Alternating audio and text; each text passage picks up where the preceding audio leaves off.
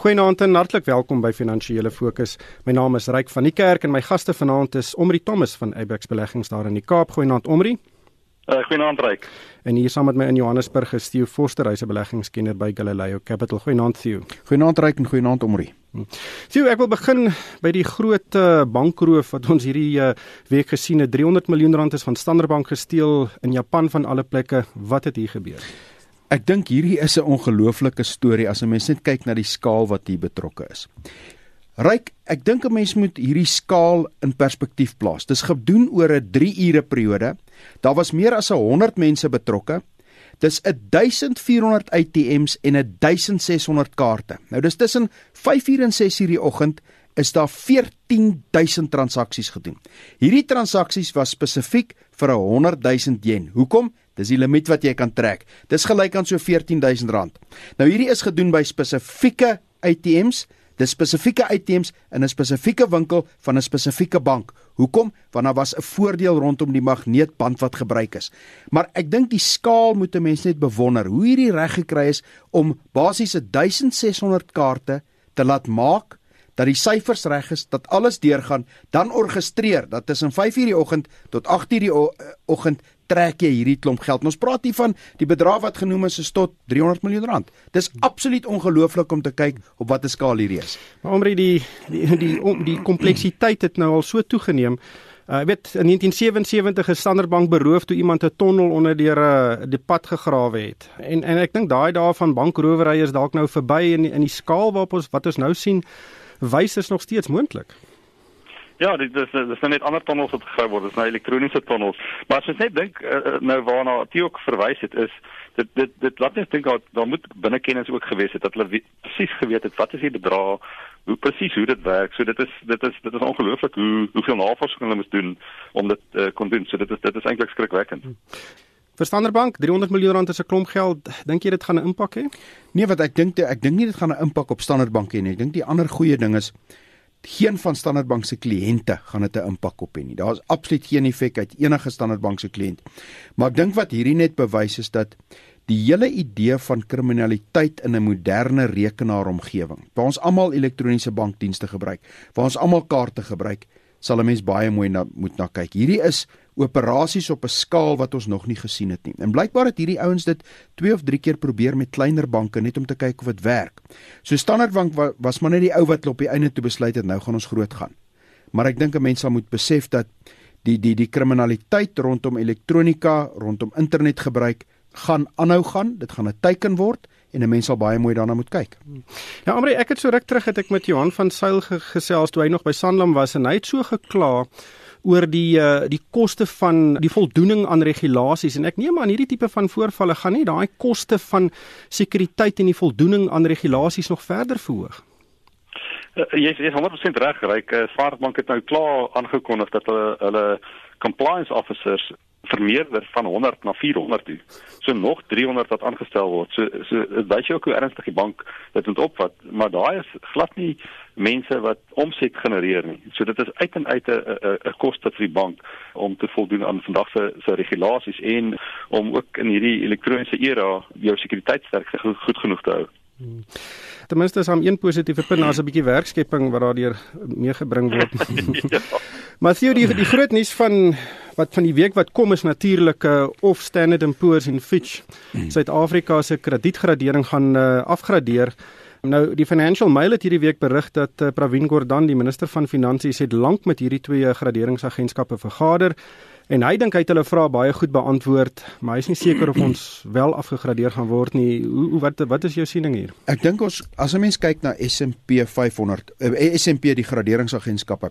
Hulle het ons in hier rondom 1996 se kant het hulle ons opgradeer na 'n beleggingsgradering. 'n uh, Fitch het ons bietjie later hierso 99 opgradeer.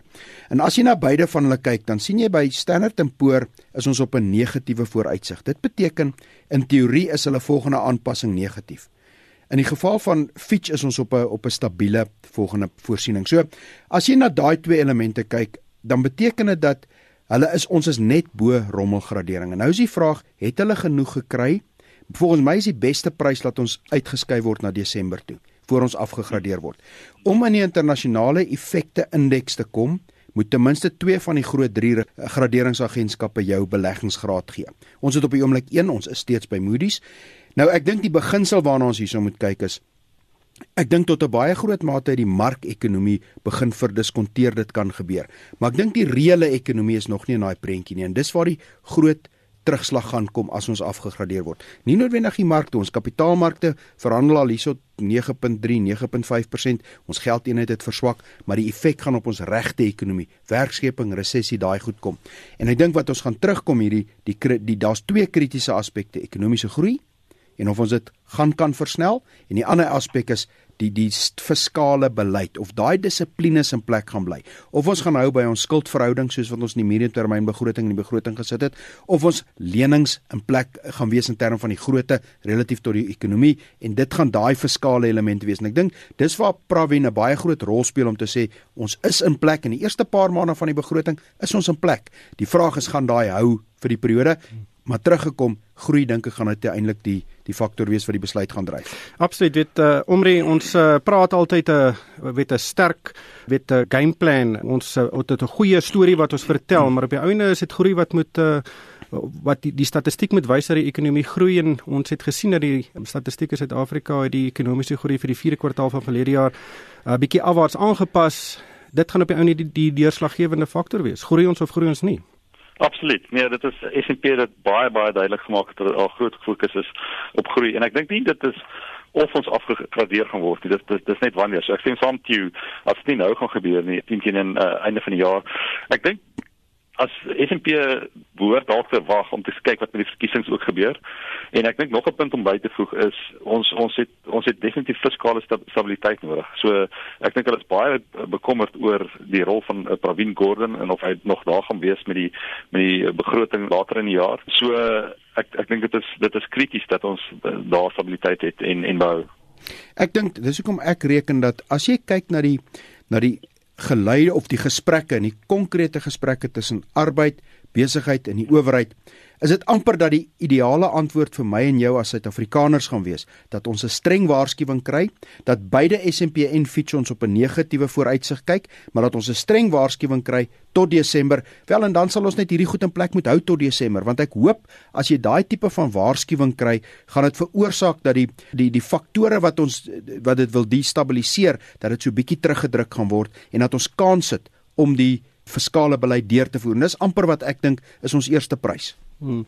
Amri, ja, Gulam Bellem, hy's 'n ekonom van Standard Bank. Interessant hoe die die bank uh, nogal uh, genoem word op hierdie program vanaand. Maar Amri, het gesê as ons afgegradeer word, verwag hy dat Suid-Afrika in 'n resessie sal verval. Ons gaan tot 200 000 werksverliese ly.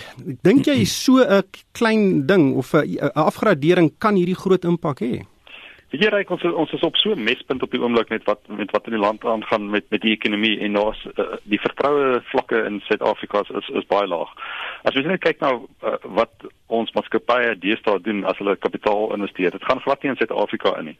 En en ons ons sien nie plaaslike uh, groei nie. So ek ek kan ek kan regtig daai scenario insien waar waar wanneer die groei afpad dat ons mense gaan moet aflê, dat kapitaalbesteding uh in ingesny gaan word en dat ons wat dan in 'n negatiewe siklus ingaan.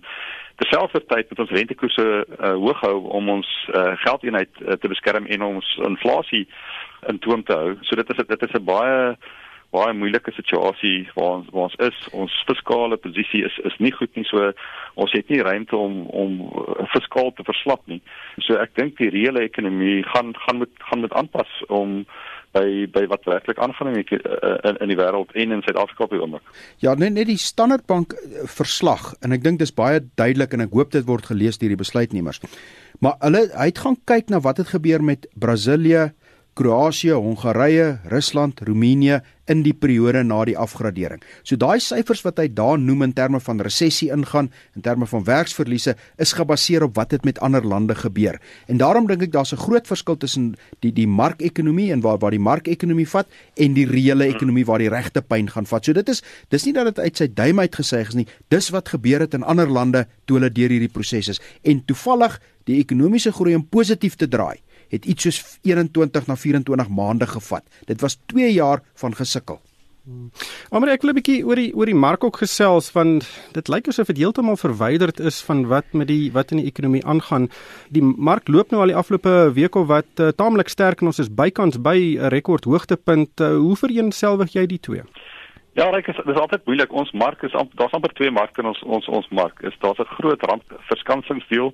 As ons net kyk na ons top 40 aandele is, is oor 60% van hulle inkomste word uit in buitelandse valuta verdien. So daai deel van die mark is is direk gekoppel aan wat met die met die rand gebeur en met die onlangse vers, verswakking in die rand het dit ook goed weer goed gedoen. En dan die hulpbronsektor wat gekoppel is aan die kommuniteitssiklus is is ook onafhanklik van Suid-Afrika en uh, met die oliepryse wat bietjie herstel het, het het ons ook gesien dat die Sasol Sasol goed gedoen het. Uh, ons kommuniteitsaandele, die platinum aandele was was was hierdie week bietjie sterker, maar die maar die maatskappye wat blootgestel is aan die Suid-Afrikaanse ekonomie, hulle doen nie so goed soos soos soos daai sektore. So daar's definitief twee twee sektore wat wat die mark amper uh, in, in in twee verdeel op die, op die oomblik. As 'n mens kyk en ek dink mense moet bietjie terugkyk. Ons is nou, ons is die eerste keer deur 50000 op die algehele indeks 2 jaar gelede. En van toe af verhandel ons in 'n band so tussen so 48000 op die onderkant en so 54000 op die bokant. En daai band kom nou al 2 jaar saam. So jy kan eintlik sê dat die mark is nie veel waar hy van nou hmm. waar hy was 2 jaar gelede nie. En ek dink dit moet mense gedagte hou. Wat wel so is, die hulpbronne indeks is prakties helfte waar hy was 2 jaar gelede. So as 'n mens baie mooi op 'n bietjie van 'n langer siening kyk, dan sien jy maar hulpbronne het nou wel begin optel die laaste klompie maande, maar oor 'n 2 jaar basis het die res van die mark en is hier waar waar om die uitlig die randverskansers en die groot internasionale maatskappye, Richmond's brouerye, daai tipe Naspers, daai tipe mark het het, het die mark gedryf. Maar ons is basies nie ver van waar ons was 2 jaar gelede nie. So eintlik die afgelope 2 jaar as 'n mens kyk na die oor hoofse syfer is ons nie ver van waar ons was 2 jaar gelede nie. Maar in dollar terme ja, sal ons 'n bietjie armer wees. In dollar terme is ons amper 30% af. Dis die verskil. As jy na die dollar ja. terme kyk, is die mark rondom 30% af. Voor 'n so vir 'n Amerikaner wat van buite kyk of 'n internasionale meetelement, het ons rondom 'n derde verloor. Wat interessant is om, om daarbey aan te sluit is as ons na ons mark kyk relatief tot die S&P 500 in in Amerika. In ons mark in dollars oor 10 jaar het het ons 0% gedoen. So in reële terme het ons agteruit gegaan in as mens na uh, ontwikkelde land geld eenheid kyk van hulle oogpunt af na ons mark. Maar dit is 'n wisselkoers storie. Theo, ek gaan eers vir jou vra en dan omrie vir jou. Wat gaan gebeur as ons uh, hierdie week 'n afgradering ervaar? Gaan nee, die rand uh, verder val? Ja, die rand as as ons 'n afgradering kry, gaan ons onthou ons gaan uit sekere indekse want ons twee van die groot nou wel as ons by twee van die groot 3 graderingsagentskappe is wat ons nie beleggingsgradering maak, dan gaan ons afgaan, dan gaan ons verseker afgaan. As dit een is, wel miskien het ons dan nog 'n kans, maar ek dink op die einde van die dag as ons na na na rommelstatus toe gaan, gaan die rand verswak, rentekoerse gaan opgaan, ons reële ekonomie gaan swaar trek en en ja, dan dan sit ons in 'n problematiese posisie. Amri, wat wat is jou siening? Moet jy nou 'n belegger vandag iets doen om uh, te keer dat hy uh, blootgestel word aan 'n skerp verswakking van die rand of 'n moontlike skerp verswakking donderdag en vrydag?